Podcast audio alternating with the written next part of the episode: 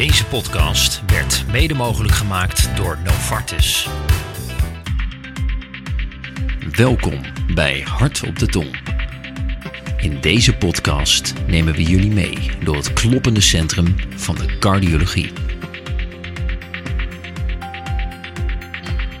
Beste luisteraars, welkom bij een nieuwe aflevering van Hart op de Tong, de cardiologische podcast van Nederland. Mijn naam is Rob van der Boon. Mijn naam is Ruben Thijssen en vandaag nemen jullie mee in de wereld van de sportcardiologie. We zitten vandaag in het Amsterdam UMC, locatie AMC, om te spreken met Harold Jorstad. Harold werd geboren in Trondheim, Noorwegen, waar hij in 1999 zijn middelbare school afrondde. Datzelfde jaar verhuisde hij naar Amsterdam om geneeskunde te studeren. Een studie die hij in 2006 cum laude afrondde. Na zijn promotietraject startte hij in 2011 met de specialisatie als cardioloog in het Amsterdam Medisch Centrum. Harold werd na het afronden van zijn opleiding op 1 april 2017 de eerste fellow sportcardiologie van Nederland. Hierna bleef hij werkzaam als cardioloog in het Amsterdam UMC. Daarnaast was hij van 2019 tot 2023 voorzitter van de sectie sportcardiologie van de MVVC. Verder kunnen jullie Harold ook mogelijk van tv kennen, waar hij vaak voorbij komt als het over sporters en hartproblemen gaat. Harold, dank voor je tijd. Ja, goedemiddag. De eerste fellow sportcardiologie in Nederland. Een geboren Noor. Hoe ben je hier verzeld geraakt? Ja, dankjewel. Ja, als je het zo uh, vertelt, dan, uh, dan kom ik erachter dat ik er best wel een tijdje ben.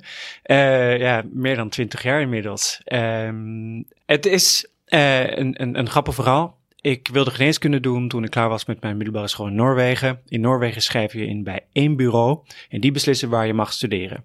En ik wilde geneeskunde studeren, dan kun je zo van ranking maken, maar in die tijd kocht ook Noorwegen plekken in het buitenland. Want hmm. Noorwegen heeft, of had toen een artsentekort en Noorwegen is ook een beetje op zichzelf gericht, ook niet bij de EU en dat soort zaken. Dus ze dachten, we moeten meer internationale invloeden hebben, meer prikkels van buiten. Dus ze kochten plekken in het buitenland, uh, zodat Noren geneeskunde konden studeren. En al mijn vrienden vanuit Trondheim, ja, Trondheim is niet heel groot, dus veel mensen gaan ergens anders heen. Mhm. Die wilden in het buitenland studeren. En ik dacht, ja, dat wil ik eigenlijk ook. Uh, maar ik had me primair eigenlijk ingeschreven voor Australië en Londen. Die plekken heb ik niet gekregen. uh, ik kreeg wel een plek aangeboden in Amsterdam. Ik dacht, ja, wel spannend. Ik moet de taal leren, uh, maar ook niet heel ver weg. Dus toen dacht ik, nou, ik ga het proberen. Als het eerste jaar goed gaat, uh, uh, ja, dan kan ik de studie wel afronden daar.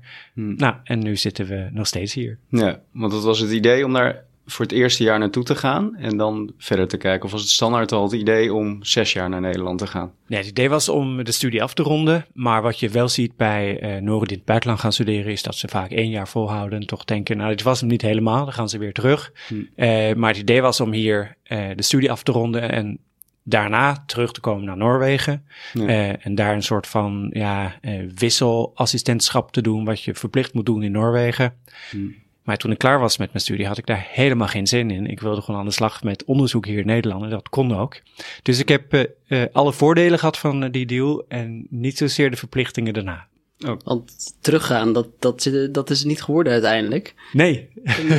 maar wat is het grote verschil tussen het, het leven hier in Nederland en, en in Noorwegen? Nou, op sommige gebieden echt niets. Het is een beetje dat Noord-Europese, uh, iets meer ingetogen dan wat je van Zuid-Europa gewend bent. Maar ja, aan de andere kant heel veel verschillen. Uh, Noorwegen is nagenoeg leeg.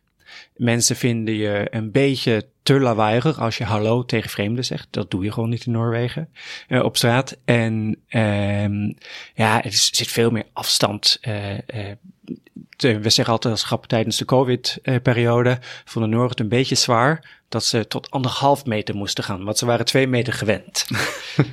dus uh, daar zitten wel verschillen in. Het is ook veel kleiner. De steden zijn kleiner. Aan de andere kant, ja, het is wel een stuk mooier. Uh, je hebt daar schitterende natuur. Je kunt daar langlaufen. Ja, dat gaat iets moeilijker in Nederland. Dus uh, ja, er, beide plekken hebben gewoon zijn voordelen. En het grootste voordeel van Nederland, denk ik, is ja, Nederland is eigenlijk gewoon geen volle land, maar een beetje een lege stad ja, als mm. geheel. En ik vind dat stedelijke wel leuk. Want inmiddels ben je, ja, mogen we wel zeggen, een echte Amsterdammer geworden. Ja, hoe, hoe voelt dat? Nou ja, ik, ik voel me eigenlijk 50-50. Uh, als ik hier ben, dan, dan ja, voel ik me gewoon helemaal thuis in, in uh, Amsterdam. Uh, Trondheim kom ik veel minder, want bijna al mijn familie is langzamerhand ook verhuisd naar Oslo. En Oslo is ook echt de enige wat grotere stad in Noorwegen waar dingen ook een beetje dynamisch zijn. Dus ik kom met name in Oslo, maar daar voel ik me ook helemaal thuis. Maar ja, ik denk dat het is misschien inmiddels 51% Amsterdam. Ja. Oké, en hoe, ontstaat, hoe ontstond daar gedurende je studietijd de liefde voor de cardiologie? Nou, ik denk omdat ik het best slecht deed bij de blok uh, bloedsomloop in het begin. Ik dacht, shit, ja, dit is best lastig. Uh, hier moet ik me echt in verdiepen. En dat heb ik altijd wel leuk gevonden. Dingen die uitdagend zijn, zijn vaak de dingen waar je ook het meeste plezier uit kan halen als je het wel meestert. Dus ik heb daar echt flink wat tijd aan besteed. En ik dacht, dit is echt heel leuk. Toen ben ik bij de groep van Renate de Jong, uh, Steehouwer in de VU, ben ik onderzoek gaan doen meer aan de vasculaire kant. Mm -hmm. Koolschappen gedaan en zo. En, en gaandeweg dacht ik, ja, de, de vasculaire cardiologie kant, ja, dat vind ik heel leuk om te doen. En toen zat ik op een feestje. Daar zat een uh, oncologe. En ik zei, ik was bijna klaar met mijn kooschappen. Ik zei, ik wil eigenlijk onderzoek die kant op gaan doen. Ken je iemand? Nou, die heeft mij het nummer gegeven van iemand, uh, dat bleek Marcel Levy te zijn. Uh, die kennen jullie waarschijnlijk wel goed, denk nee. ik. en die heeft me weer met uh, Ron Peters, nu met pensioen, maar was toen hoogleraar hier in het AMC, later ook divisiehoofd geworden van het hartcentrum. En daar kon ik aan de slag als onderzoeker. En ja, uh, Ron en de mensen die hier werken hebben me ervan overtuigd dat ja, cardiologie, dat, dat, dat moet je echt doen. Daar, daar pas je ook goed. En ja, zoals jullie zien, ja, ik zit er nog steeds. En dan kan ik me voorstellen, uh, inspanningsfysiologie, hè, wat je, waar je veel te mee te maken hebt, dat is echt hardcore uh, cardiologie. Dus uh, hoe, is dat, hoe is dat dan ontstaan? Is dat ook uit die, die drive om dingen beter te begrijpen dan? Ja, heel grappig dat komt echt daar vandaan. Dat, dat komt echt van, van de eerste momenten in de schoolbanken dat ik daarna zat te kijken en ik wilde het begrijpen. Want ja, het leuke van fysiologie is, dan kun je echt dingen begrijpen. Dan kun je het beredeneren. Dan doe je de pathofysiologie erbij. Ja, dan zie je hoe dingen mis kunnen gaan, maar zie je ook hoe je, dingen kan fixen. En ja, ik denk daar is het uh, zaadje gepland. Maar ja, daarnaast, toen ik ook met sportcardiologie begon, kwam ik er ook wel achter dat ik heel veel bij moest leren over de inspanningsfysiologie. Want zoveel leren we er niet uh, over uh, tijdens onze studie en tijdens cardiologie. Uh, maar dat is dan weer leuk. Je kunt mm. jezelf gewoon verbeteren, je horizon verruimen. En ik denk dat is een van de allerleukste dingen van de cardiologie. De cardiologie pakt steeds nieuwe gebieden bij en, en breidt zich uit en maakt nieuwe technieken eigen, waardoor het vak altijd heel dynamisch en in ontwikkeling ja. blijft. Ja. Want is het nog een ondergeschoven kindje wat betreft uh, sportfysiologie in de opleiding? Ik denk dat, uh, ja, of, of sportcardiologie of inspanningsfysiologie nagenoeg niet in de opleiding zit voor, tot cardioloog. Wij kijken met name naar bloeddruk, pols en het inspannings-ECG. Een aantal van jullie zullen misschien maar cardiopulmonale inspanningstesten hebben bekeken. En onze eerste reactie daarbij is schrikken van die nine plots en denken, dit snap ik toch nooit. Um, nou, daar kun je je hele leven aan besteden, maar het is wel een hele goede ingang om een beetje hemodynamisch te gaan werken bij inspanning. Hmm. Uh, maar ja, ik denk sportcardiologie is heel lang gedreven door een paar pioniers in Nederland, mensen die daarmee bezig waren, maar nooit echt heel groot uitgepakt en, en nooit helemaal in een netwerk opgezet. En ik denk, nu zien we daar wel een shift. We hmm. zien dat sportcardiologen of mensen met sportcardiologisch interesse elkaar vinden, elkaar verbeteren en dat we best wel, denk ik, geweldige dingen als team kunnen doen. Zeker, ja. Dat is. Um... Ja, dat is denk, denk ik gelijk een mooi bruggetje hè, om, om de diepte in te duiken uh, naar de sportcardiologie. Uh, ik denk dat het voor veel van ons, nou, zoals je al zegt, misschien nog een klein beetje onbekend is. Kan je misschien uitleggen wat sport, sportcardiologie nou eigenlijk allemaal inhoudt? Zo, uh, en dan in drie zinnen, hè? Ja, uh, liefst wel. nee, sportcardiologie, eigenlijk de basics van sportcardiologie sowieso, maar dat is voor elke arts en voor elke uh, uh, cardioloog, mensen stimuleren om te sporten. Maar eigenlijk doen we iets heel doms of fouts. Want we stimuleren mensen om te sporten, dan leggen we een soort van ondergrens aan. Maar we vertellen ze nooit wat de bovengrens is, wat ze niet moeten doen. Da daar zijn we niet zo heel goed in en vaak vervallen we dan op, doe rustig aan. Dus het is eigenlijk een beetje uh, het sportadvies geven, maar ook de grenzen kennen van wat een hart wel of niet aan kan. Dan heb je ook het hele stuk van performance uh, een recreant die uh, boezemritmestoornissen heeft, ja, die heeft er echt wel last van wat betreft performance. Dus hoe kun je iemand helpen vanuit de cardiale situatie performance te maximaliseren? En dan heb je het echt van fysiologie tot pathofysiologie. En dan heb je de laatste groep waarbij je weet, hier is er een risico op een event. Denk aan iemand die een hartinfarct heeft gehad, die een marathon wil lopen. Iemand met een cardiomyopathie die naar de Spelen wil bijvoorbeeld. Ja, hoe kun je dan voorkomen dat die events optreden? Dus dat zijn eigenlijk de drie pilaren van de sportcardiologie. En wat ik heel leuk vind, ik ben stiekem gewoon een generalist. Ik ben een hartstikke algemene cardioloog. Want je moet iets van een beetje alles weten. Maar uh, we, daarbij moet je ook wel de specifieke. Uh, moeten we. ja. Dan moet je ook wel. uh, dan moet je ook de specifieke dingen van sport weten. Dus het geeft een extra dimensie aan alles wat je doet in de cardiologie. En de patiënten die je dan ziet, dat zijn uh, ja, gewoon patiënten. Mensen met cognitale afwijkingen, mensen die een hartinfarct hebben gehad, hartfalers, die we willen revalideren.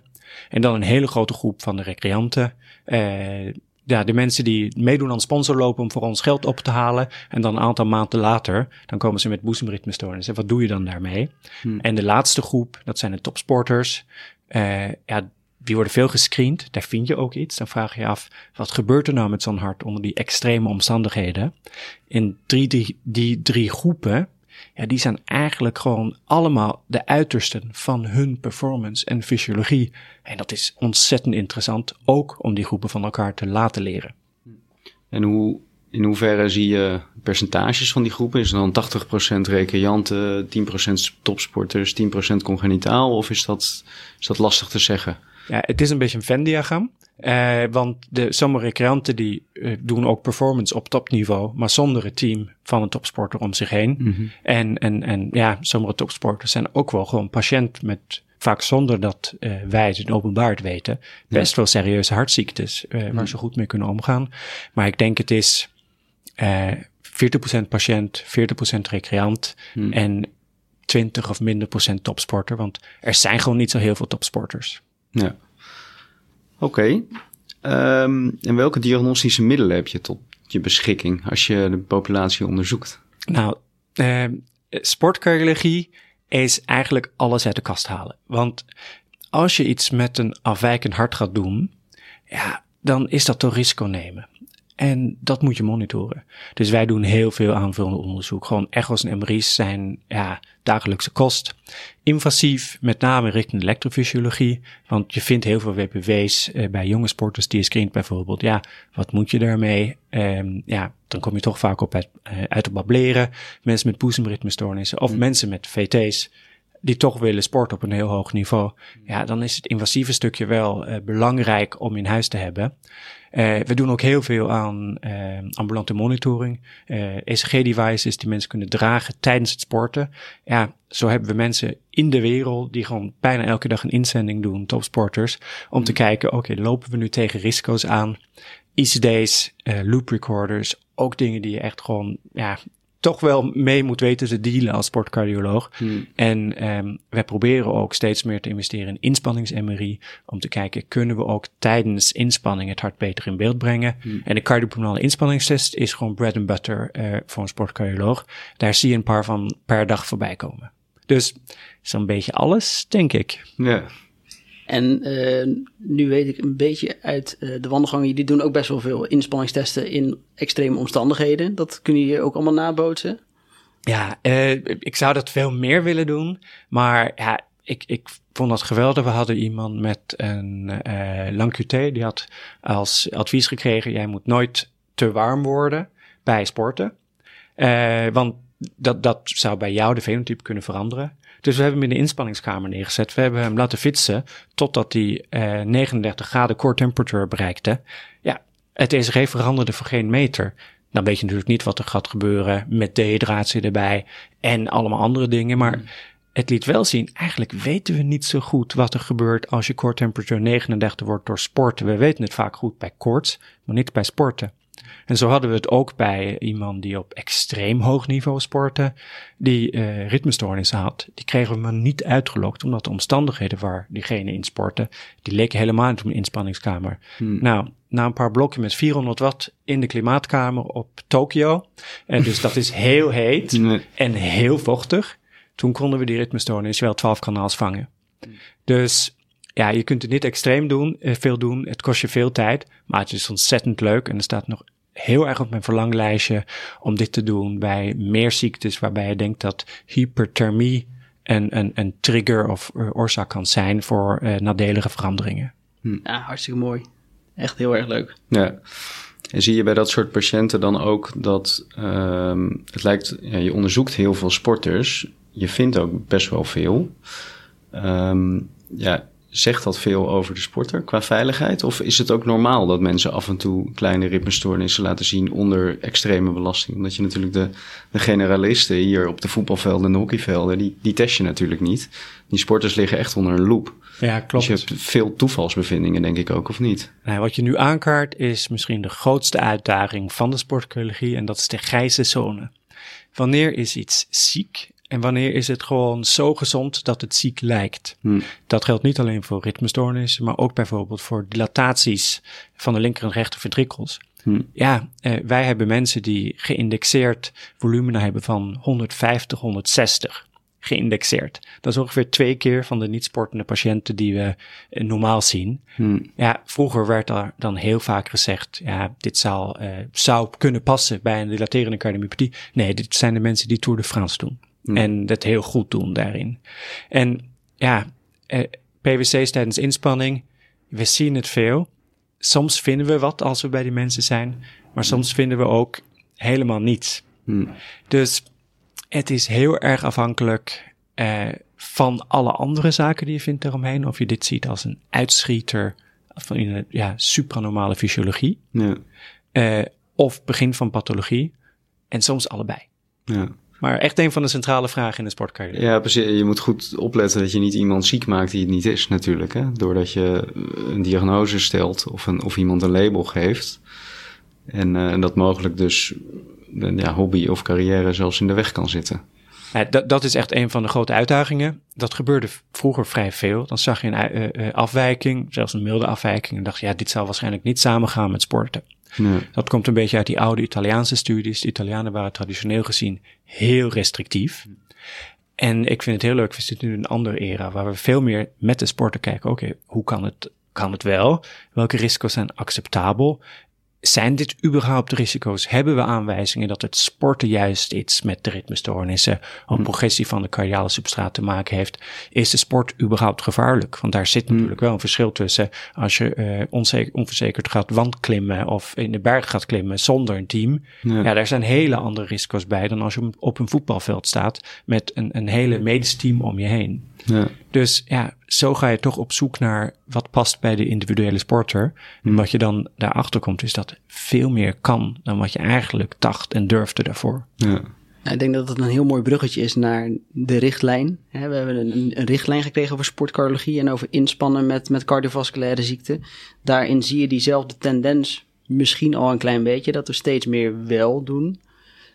Voor degenen die de richtlijn niet hebben gelezen, wat zijn volgens jou daar een klein beetje de, de hoogtepunten uit die je moet meenemen? Nou, de richtlijn, uh, ten eerste, het is, is de eerste sportcardiologische richtlijn uit Europa.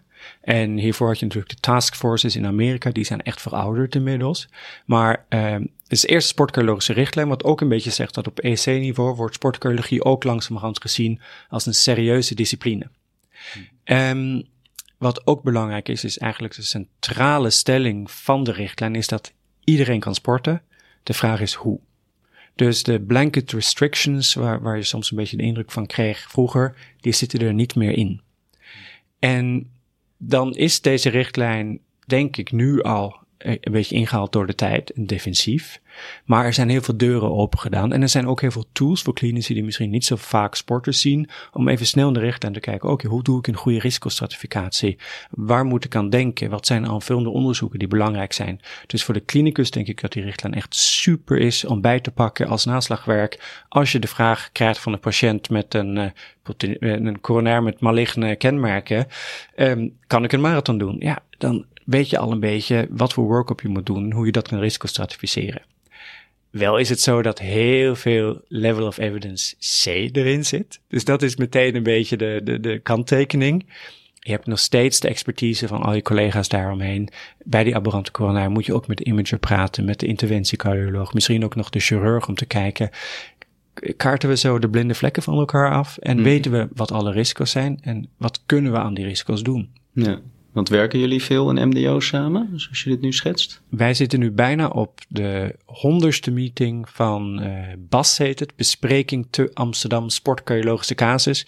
Misschien niet onze meest creatieve benoeming, maar zo heet het nou eenmaal.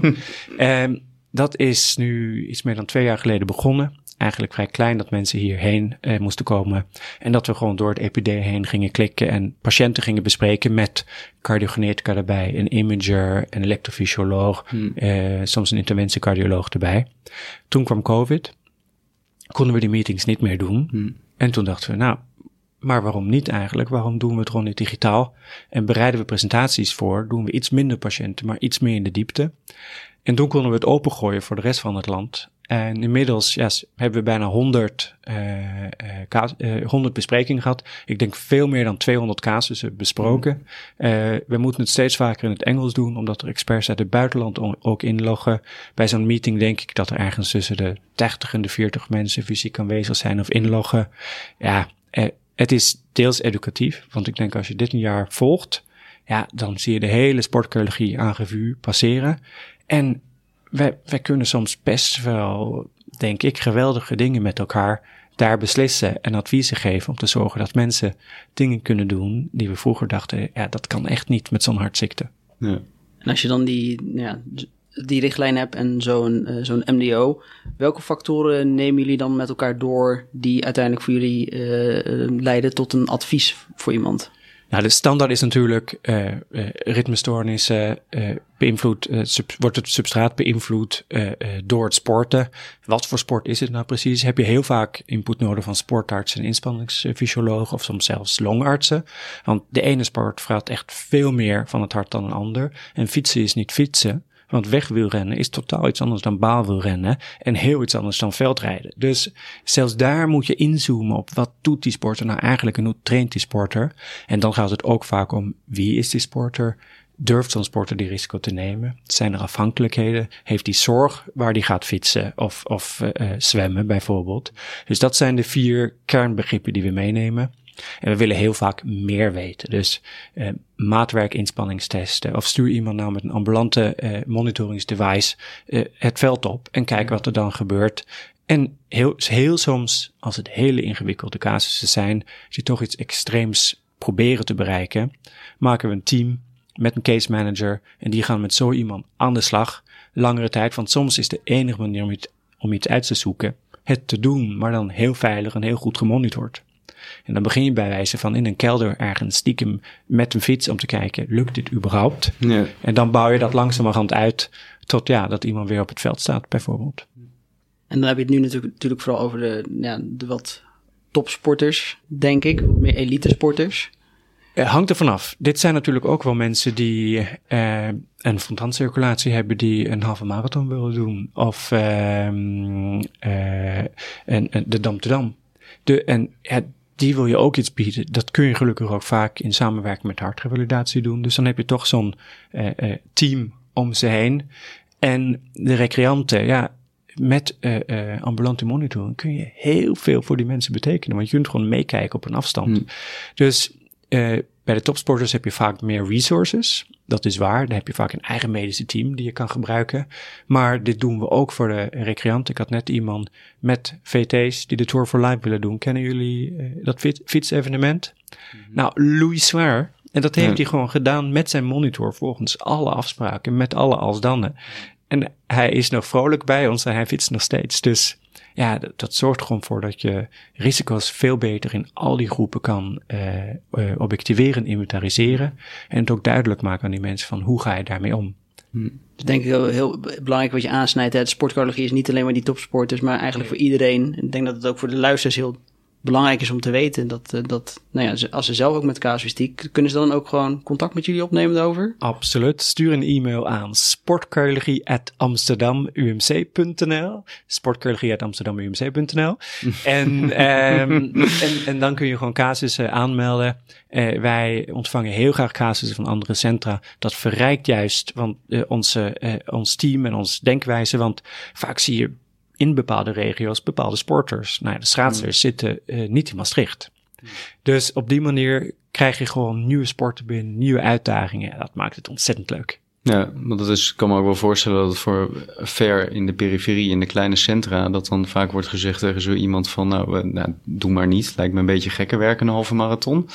En zo ontneem je die mensen natuurlijk toch de mogelijkheid tot, maar als ze dan via jullie gescreend kunnen worden, ja, dat is toch mooi om iemand weer wat te bieden. Gescreend of behandeld of, of uh, begeleid. Ik denk niet dat die scheiding academisch perifeer is, want er zitten ook uitstekende sportcardiologen in perifere centra. Mm -hmm. Het gaat meer om, is die expertise er? Ja. En, en sommige centra, kijk, als je met drie of vier cardiologen in een wat kleiner ziekenhuis zit, kan ik me heel goed voorstellen dat je niet direct daar iemand hebt die eh, sportcardiologie doet tussen de echo's mm. en de pacemakers en de MRI's eh, door.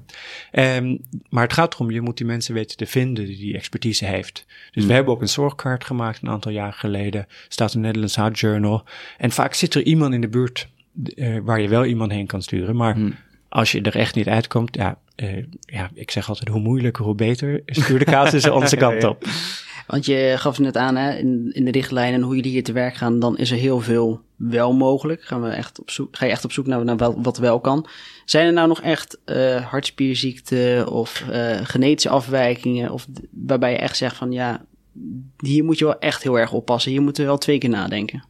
Uh, ja, um, de genetische hartziektes die zijn wel uitdagend. En hoewel we daar ook steeds liberaler worden, zijn er wel dingen die echt lastig zijn. Denk aan RVC. Hm. En dan met name de PKP2's. De andere mutaties zijn zo zeldzaam en zo weinig onderzocht in de sportcohorts dat we daar voorzichtig mee moeten zijn en voorzichtig moeten zijn om alle kennis van PKP2 te extrapoleren. Hm. Maar daar zie je gewoon, uh, ook uit heel goed onderzoek uit Nederland overigens, uh, onder andere vanuit de groep van Utrecht, dat sporten lijkt echt een negatieve invloed te hebben op de prognose. Uh, CPVT zien we eigenlijk nauwelijks op de sportcardiologie poli, omdat ja, uh, jullie weten wat uh, de ritmestoornissen bij CPVT uitlokken. Ja, dat zijn catecholamines. En wat maak je nou tijdens sporten, met name competitieve sport? Catecholamines. Dus dat zijn mensen die vaak wel weten hmm. dat ze een aantal dingen niet moeten doen. Hmm. Dus dat zijn de twee ziektes waarvan ik denk, ja, daar is grote voorzichtigheid geboden. Betekent niet dat ze niet kunnen sporten, want ja, je zou ze ook richting boogschieten kunnen proberen uh, te stimuleren. Mm. Of uh, ja, waarom niet yoga? Dus ja, dan hou je spieren ook nog soepel en fit mee. Dus mm. het is vaak een beetje omdenken. Mm. Proberen te kijken van wat kan dan wel. Maar dit zijn sporten, of dit zijn ziektes waarbij je wel voorzichtig wil zijn met mm. een hele hoog intensieve, ja, uh, uh, hele lange duur sport en zo. Ja, want als je het iemand ontraadt om te sporten, hoe, hoe breng je zoiets naar een patiënt? Want het kan een hele grote klap voor iemand zijn. Ja, ik zeg altijd als, je, als iemand uh, komt voor een sportadvies en ze hebben een hartziekte, dan krijgen ze minimaal twee klappen eigenlijk. Hmm. Ten eerste krijgen ze uh, de diagnose. Ja, dat is de klap, dat is een klap voor iedereen. Mm-hmm. En dan krijgen ze de tweede klap nog erachteraan en je kunt je sport niet meer doen. Hmm. Dus dat zijn twee slechte nieuwsgesprekken in één gestopt. Ja. Um, ja, die klap moet je gewoon laten vallen. Want het moet, als je echt denkt, dit maakt je hart kapot. Uh, je krijgt er ritmestoornissen door. Je loopt echt een te hoge kans op plots overlijden bijvoorbeeld. Mm-hmm. Ja, dan, die klap moet gewoon aankomen. Dat moet duidelijk zijn. Want anders zullen de sporters altijd wel een weg vinden. Ja. Uh, levensgevaarlijk om door rustig aan te zeggen. Want iemand die 15 uur per week sport, die vindt 13 uur rustig aan. Wat je wel moet doen, vaak in een tweede gesprek, uh, is zeggen wat kan dan wel. En dan meteen aankomen met alternatieven. En dat is het leuke. Ik leer van de sporters, want zij komen soms met hele creatieve oplossingen. Bijvoorbeeld, uh, heel veel uh, mensen hechten er enorm veel waarde aan dat ze met hun vrienden door de Alpen heen kunnen fietsen elke zomer. Nou, als je dan een best wel ernstige ziekte hebt, begint dat best wel problematisch te worden op een gegeven moment. Of mensen die bijvoorbeeld, we weten, op een gegeven moment uh, krijgen ze gewoon ritmestoornissen. Nou, dan denk je dat kan niet meer. Nee, natuurlijk kan dat wel. Koop dan gewoon een mountainbike met een motor erin en doe mee. Dan doe je dat laag intensief. Je kunt sommige van die dingen zelfs eh, aansluiten op je hartslagmeter. Dat die ingrijpt als je hartslag boven de 120 komt of zo. Hmm. Dus dan fiets je eh, licht zelf. En daarna gaat dat motortje mee eh, draaien. Ja, en kunnen die mensen toch gewoon genieten van het meefietsen met hun vrienden. Je doet dat natuurlijk voor meer dan alleen de sportieve prestatie, maar ook voor het sociale. Mooie weer, lekker eten soms. Dus op die manier kun je toch mensen heel veel laten doen en een beetje empoweren in wat ze doen. En, en ze toch aan de veilige kant van het sportspectrum houden. Ja. Nou, wel mooi om meteen over te schakelen naar van nou, dit is de klap, maar het eerste consult erna meteen te gaan kijken naar wat kan er wel. En niet alleen maar verbieden. We kunnen natuurlijk niks helemaal verbieden, we zijn geen politieagenten, maar het is wel goed om meteen perspectief te, te maken voor die mensen. Dat is mooi om te, mooi om te horen. Ja, Ja. goed eh, voorbeeld van omdenken, eh, inderdaad. Precies, ja. Nou, en, en nee, we kunnen niets verbieden. We geven advies. Ja. En je moet zorgen dat dat advies overtuigend is. En als je zegt liever di- dit liever niet, Nee, moet je ook erbij zeggen dit liever wel. Het leuke van veel van die sporters is ze zitten vol motivatie. Jullie kennen vast wel vanuit de spreekkamer dat jullie tegen iemand moet zeggen: jij moet meer gaan sporten. Dat is geen sportadvies, dat is een motivatieadvies Ja. eigenlijk. Je moet motivatie zoeken om te gaan sporten. ja. De mensen die bij een sportcardioloog komen zijn in het algemeen helemaal tegenovergestelde. Motivatie is 110% en je moet ze eerder een beetje afremmen. ja. En wat dan ook vaak helpt, die mensen hebben daar ook zelf echt wel over nagedacht. Dus veel vaak zeg ik, nou, ik ga vijf dingen eh, bedenken waarvan ik denk, daar kan je hard goed mee omgaan. Maar jij gaat ook vijf dingen bedenken die je leuk zou vinden. En dan gaan we kijken waar die lijsten overlap vinden. Hm. Je vindt dat altijd. Nee. Nou, we- zijn al aardig eh, eindje op weg. We gaan toch even een klein intermezzo inbouwen om het ook even over jou zelf te hebben. Want we praten nu al heel veel over sporten natuurlijk. Ben je zelf een groot sportfanaat? En eh, eh, wat geeft jou nou qua sport echt energie? Ja, ik ben wel een doener en niet zozeer een kijker, moet ik zeggen. Eh, sport kijken leuk, maar ik ga dan veel liever zelf eh, bijvoorbeeld hardlopen. Ik moet zeggen, ooit eh, heb ik best veel aan langlopen gedaan. Nou, ongeveer rond 99 eh, kon dat niet meer. Hm. Eh, ja, Nederland heeft daar toch niet zo'n enorm cultuur of aanleg voor. Of Klimaat. eh, klimaat, ja. Ehm, en daarna heb ik een beetje van alles gedaan tijdens mijn studententijd. Eh, nu vind ik hardlopen echt heerlijk. Ik zou dat elke dag doen als ik dat zou kunnen langs de Amstel in Amsterdam. Eh, of, en ik heb ja, de mazzel dat ik op zolder een gym heb. Dus daar kan ik gewoon een workout doen. Eh, dus ik vind het gewoon leuk om elke dag iets te doen. Gewoon om fit te blijven, om gezond te blijven. Niet zozeer om iets te winnen. Maar eh, ja, ik denk sporten is eh, mijn manier van mediteren of ontstressen. En ja, het liefst zou ik dat elke dag willen doen. Ja. En hoe lang dan elke dag? Is dat eh, anderhalf uur? Of is het van Ja. als het iets is, is het al goed?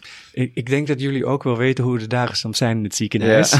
Soms ben ik al blij dat ik gewoon heen en weer heb kunnen fietsen. Eh, Ja. dan vind ik al, oké, ik heb nu wel, wel wat kunnen bewegen. Nou, weet je, als ik een hal- half uurtje gewoon door de week eens een keertje kan pakken om te hard, hardlopen, is dat meer dan niets. Het liefst een uurtje.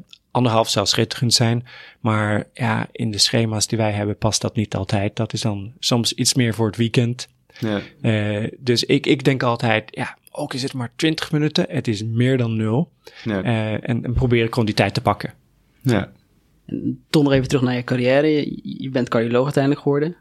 Wat nou als dat niet was gelukt? Wat was er dan geworden? Oeh, nou, niet gelukt. Dat is geen overwinningsmentaliteit, hè? Dan ga je het gewoon nog een keer proberen. Je gaat omdenken. ja. Ehm, hmm, ja, als ik niet, nou, dus he- helemaal terug, als ik geen geneeskunde was gaan studeren. Ja, ik heb me ook toen ingeschreven voor een soort van bedrijfskundig studie. Eh, heel blij dat dat het niet is geworden. Hmm. Ehm, ja, misschien toch meer iets richting bewegingswetenschappen als ik nu zo speculeer. Ik denk dat ik dat ook heel leuk had gevonden. Eh, Sporten. of de culturele sector. Daar heb je Hmm. ook een beetje dezelfde mentaliteit hè, van presteren en, en leveren en verbeteren.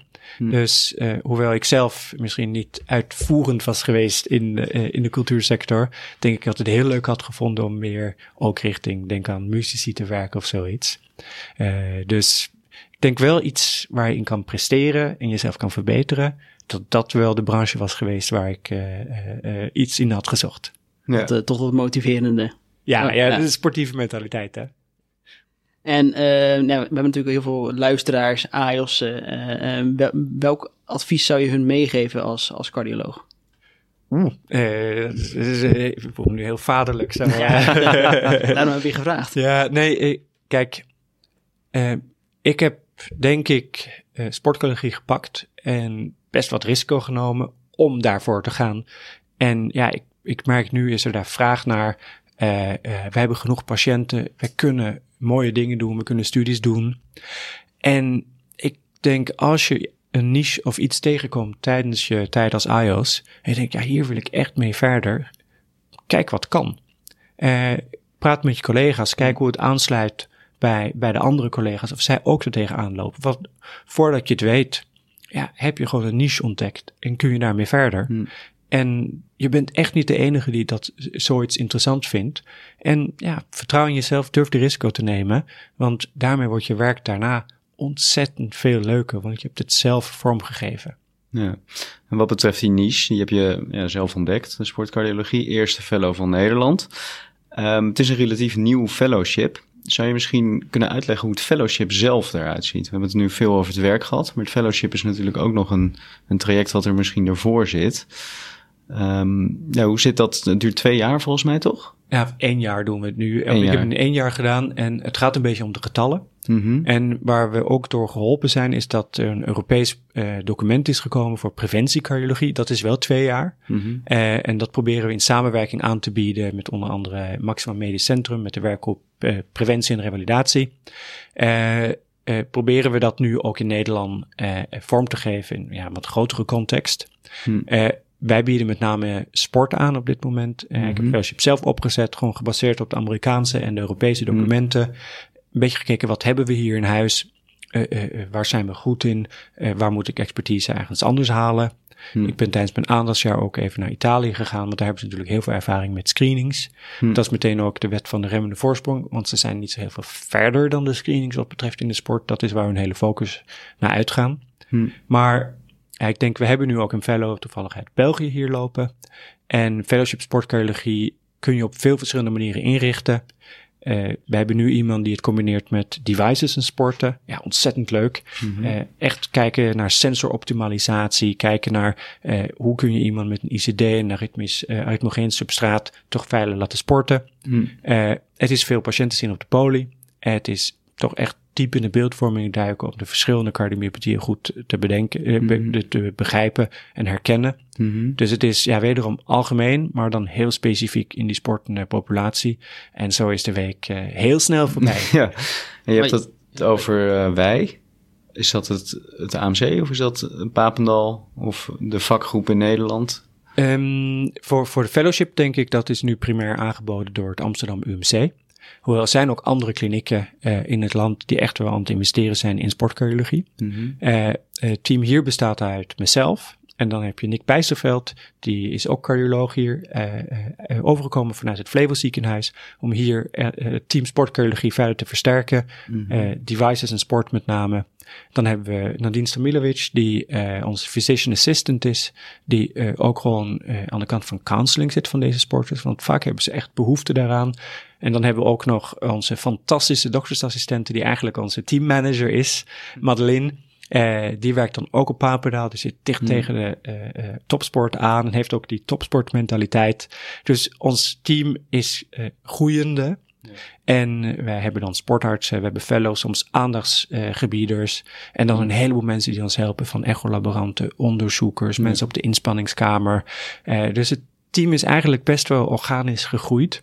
Hmm. En in die context ja, bieden we dus aandachtsjaren en fellowships aan. Want als er dus AIOS'en zijn die deze podcast luisteren en die zeggen, nou, sportcardiologie, dat is het. Hoe gaan ze dan te werk? Moeten je hetzelfde e-mailadres gebruiken? Of, uh... Ja, kan prima. uh, uh, ja, en ik hoop dat heel veel van u denken, ja, dit is het. dat ik ze een beetje enthousiast kan maken. Want ja, je hoeft natuurlijk niet alleen sportcardioloog te zijn. Je kunt het combineren met je beeldvorming, mm. met je devices, met je andere uh, interesses. Dus het sluit niet iets anders uit. Mm. Maar ze kunnen zeker gewoon een e-mail aan mij sturen.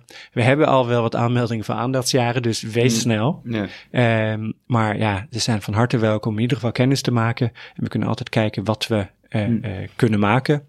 Uh, en wat ik vergeten was te zeggen, we werken dus hier op locatie AMC. We hebben ook een buitenpolie op locatie Papendal, bij het Sportmedisch Centrum daar. Dat trekt natuurlijk een hele andere ja, populatie aan. Hm. En juist die combo van daar werken, midden in de topsport, waar ook heel veel recreanten gezien worden. En hier met de wat zwaardere casussen, de academische casussen. Hm. Ja, het maakt het ontzettend leuk. Het zorgt ervoor dat je een jaar echt alles kan zien in de sportcardiologie. Ja.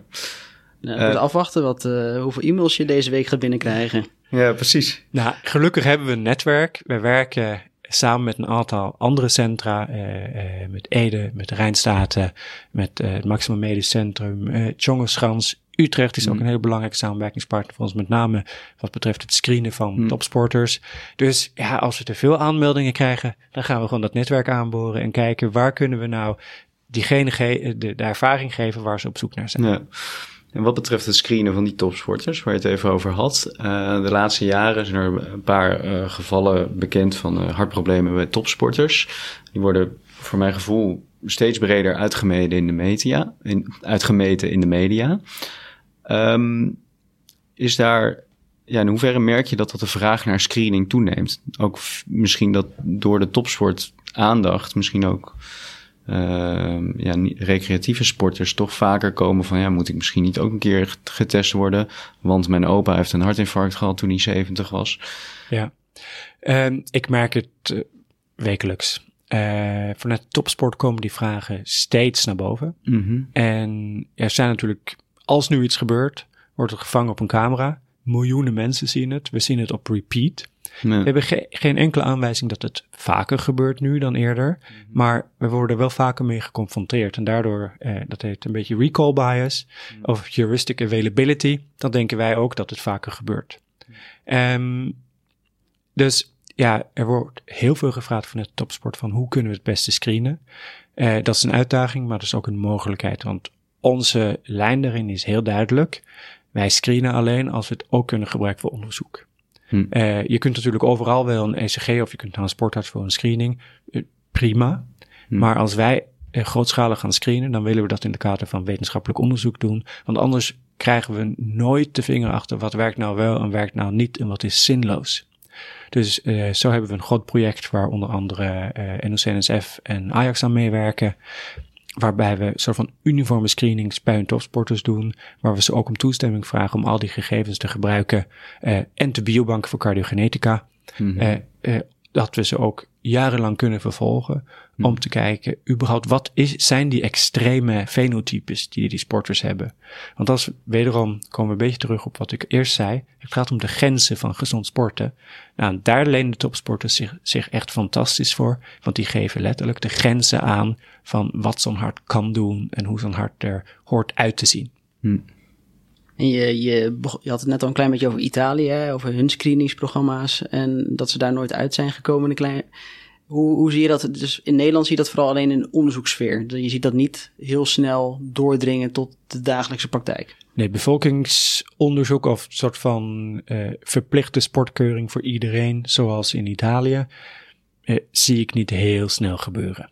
Uh, er is geen bewijs dat het kosteffectief is. De oude Italiaanse studies, denken we, geven tot 30% fout positieve. Nou, dat is nogal heftig. Mm en ja, eh, we hebben niet eens de infrastructuur om iedereen boven de, wat zal het zijn, 16 een ECG te geven voordat ze lid kunnen worden van de sportschool. Dat gaat gewoon niet lukken. Dus ik denk, wij, wij, wij moeten gericht ingroepen screenen waarvan we denken, daar kunnen we ook iets vinden of daar kunnen we iets van leren. En natuurlijk, als iemand een supermaligne familieanamnese heeft, als mhm. iemand um, uh, klachten heeft, mm -hmm. dan moet ze wel de weg naar een sportcardioloog weten te vinden of een andere uh, zorgverlener. Mm -hmm. En zelf ben je natuurlijk aardig uh, bekend geworden, ook uh, door je werk met, uh, met veel topsporters. documentaire op Videoland, onder andere NOS.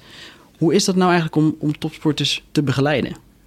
Um, ja, deels is het zoals elke patiënt begeleiden, want het zijn gewoon mensen en die maken zich ook gewoon zorgen om hun gezondheid en hebben iets en willen iets doen. En de motivatie van een topsporter, ja, dat hoeft niet veel af te werken van de motivatie van een recreant die super fanatiek is. Of een patiënt die het gevoel heeft, ik wil alles uit het leven halen. Dus er zit heel veel overlap. Het enige is met topsporters, eh, dan zijn heel vaak eh, veel schijnwerpers gericht op diegene. En dat is eerder een nadeel dan een voordeel. Want als je dan iemand laat revalideren, ja, dan moet je zorgen dat iemand dat in een veilige en vertrouwde setting kan gaan doen. Dus je moet veel meer zoeken naar hoe kunnen we zo iemand uit die schermwerper halen en zorgen dat ze gewoon zich kunnen focussen op de belangrijke dingen, herstel, weer het sporten oppakken en zo. Er zit natuurlijk wel echt inspirerende types tussen die fantastische dingen doen. En het leukste, denk ik, van een aantal topsporters, waarvan ja, jullie hebben uh, net documentaire van Daily op uh, Videoland benoemd die laat wel zien dat met een bepaalde sport doen, met een bepaalde ziekte, een ICD, dat kan. En ik denk dat dat echt inspirerend is en heel mooi is om te laten zien voor een aantal andere mensen, eh, eigenlijk de hele ICD-populatie. Ze hoeven niet meteen topvoetbal te doen, maar de meeste ervan kunnen wel veilig bewegen en sporten. En ik denk zo'n symbool, eh, zoals Daly of uh, Christian Eriksen, die ook in dezelfde uh, documentaire te zien is en daarover vertelt. Ja, dat zijn wel hele mooie boekbeelden voor de hele populatie, die soms best wel barrières uh, moeten overwinnen voordat ze weer kunnen gaan sporten bewegen op een manier wat voor hun passend is. Ik weet niet hoe dat uh, voor jou, Ruben, is in de, in de dagelijkse praktijk. Maar ik gebruik dat altijd toch wel best wel vaak als voorbeelden in in de spreekkamer bij jonge mensen die een ICD krijgen. Van, ja, ken je die van het voetbalveld? Ja, nou, die heeft ook een ICD en die kan ook sporten. Dus ja, zeker, ik denk dat dat echt belangrijk is om het, om het bekendheid te geven. Ik denk wel, je zegt het zelf ook wel, hè, veel spotlights, media er zijn natuurlijk ook heel veel spraakverwarring in de media over wat er dan met sporters gebeurt. Hè. Dan is het een hartinfarct, dan hebben ze hartfalen, dan hebben ze een hartspierontsteking. Hoe ga je daarmee om? Ja, daar probeer ik Um, als ik een interview geef, dan, uh, en ook als advies voor alle jong cardiologen die met de media uh, contact hebben, vraag altijd of je het mag checken op feitelijke onjuistheden voordat het in punt komt. Want ja. dit zijn precies de dingen die misgaan. Dan staat er hartfalen of zoiets. En natuurlijk is het niet hartfalen. of het staat hartaanval. Is dat nou een ritmestoornis of is dat een infarct? Mm. Dus daar begin ik ook vaak interviews mee om te zeggen: voor ons zijn dat dingen die heel ver uit elkaar liggen. En ik kom niet zo heel slim over als dat de kop is van het stukje. Want dan denken mijn collega's, Jorstad die begrijpt er helemaal niets van. Dus um, ik probeer dat altijd heel rustig uit te leggen. En ik denk dat het ook belangrijk is dat we dat soort dingen communiceren met de media. Want ja, voordat je het weet, hebben mensen het van elkaar overgenomen. En komt iemand juist in jullie spreekkamer en zegt: Ja, hartfalen in mijn familie. En dan blijkt het om een hele ernstige hartritmestoornis te gaan. Jullie weten wel hoe de familie soms gaat. Ja. En om even op terug te komen wat je net zei. Ik denk dat juist de winst zit erin onze expertise in de spreekkamer toe te passen bij die gemotiveerde patiënten en ze goed uit te leggen wat is er nou eigenlijk aan de hand. Ja, zo kom je tot een goed sportadvies. Oké. Duivelse dilemma's. We beginnen een klein beetje aan het einde van onze podcast al te lopen. Ja, de tijd gaat uh, heel snel als, als je lekker in het gesprek zit. Ja, we sluiten eigenlijk altijd af met, uh, met een aantal duivelse dilemma's. Dus uh, je krijgt twee opties van ons. Je mag de een van de twee kiezen en kort toelichten waarom je daarvoor gaat. Nee. En kan ik iets winnen? eeuwig roem. Eeuwig ja. de eerste is lutefisk of kibbeling? Oké, okay, um, hebben jullie ooit lutefisk gegeten? Nee. Uh, nee. Hou het zo. uh, nou, lutefisk is een soort van in, ja, ja, lijmachtig is het ook niet helemaal, maar ingelegde vis. Het wordt geleirig. Mijn zus probeert me ervan overtuigen dat het echt wel lekker is ik ben nog niet overtuigd. Mhm. Eh, dus dan ga ik toch voor de kibbeling, denk ik. Uh, probeer het een keertje op eigen risico. Oké, okay. het zal wel heel, heel ziltig, heel sterk zijn. Ja, misjeleirig. Nou, ja, misschien moet ik uh, wat meer ervaring. Is dit ook iets wat ik moet leren? Precies. Ja, dan hebben we Amsterdam of Trondheim. Maar we kunnen ook Oslo ervan maken. Ja, nou, dan, dan, dan kies ik toch uiteindelijk voor Amsterdam. Ik vind, ik, ik ben wel iemand die een stad kan waarderen om daarin te wonen. Alle mogelijkheden, alle mensen die je daar tegenkomt. En Amsterdam is best wel geweldig, omdat het ook zo'n enorm diverse stad is. Een klein beetje veel toeristen, dat is dan de nadeel. Dat heeft Oslo weer iets minder. Mm. Dus ik, zou zeggen, um, woon in Amsterdam en dan een hut net buiten Oslo of zo. Dat klinkt als een, uh, als een goed compromis, inderdaad. Uh, de derde, de opera of het concertgebouw? Oh, ja. Uh, toevallig ben ik vorige week in allebei geweest. Uh, nou, ik, ja, ik heb toch een beetje voorliefde voor de dramatische kant van de muziek. Dus, oh nee, maar dan moet ik kamermuziek weer wegkiezen. Nee, dan, uh, ik, ik kom hier moeilijk uit, maar ik denk toch uiteindelijk concertgebouw. Ja, en als afsluiter moeten we natuurlijk iets met sport doen. Dus cardio of krachtsport. Oeh, het wordt steeds diverser. Het begon best gemakkelijk. Oh, um, nee, dan... Eh, met cardio doe je eigenlijk duursport, denk ik. En eh, ja, de krachtoefening kan ik wel missen. Maar hardlopen of, of fietsen, met name gewoon op zo'n superhelder, een beetje koude dag langs de Amstel. Is niemand. Je bent gewoon aan het rennen daar. Ja, dat is echt heerlijk. Dus dat zou ik echt niet willen missen. Nou, ik- ik zou spontaan als Rotterdammer ook zin hebben om een, om een rondje daar te komen lopen eh, deze winter. Ja, eh, Harold, eh, hartstikke bedankt voor je tijd. Eh, bedankt. we hebben nog één laatste vraag voor je. Wat moeten de luisteraars nou echt niet vergeten van deze podcast over de sportcardiologie? Eh, ga lekker zelf sporten. Eh, ik denk dat dat voor ons, maar dat doen ook de meeste collega's, denk ik. Maar het is heerlijk. Eh, eh, ga er gewoon voor. Vind iets wat je leuk vindt. Want dat gaat je ook enorm helpen om de boodschap uit te dragen, die we echt moeten uitdragen. Iedereen kan sporten. De vraag is hoe. En kom je er niet uit? Stuur ons een e-mail. Want ja, zoals ik zei, hoe moeilijker, hoe uitdagender, hoe gekker iemand het wil maken, hoe leuker. En wij staan klaar, we staan de startblokken om met al onze collega's mee te denken. Hoe krijg je nou iemand voor die prestatie, klaar voor die prestatie en hoe krijg je iemand weer aan het sporten? Dit was Hart op de Tong. Dank voor het luisteren en graag tot de volgende aflevering.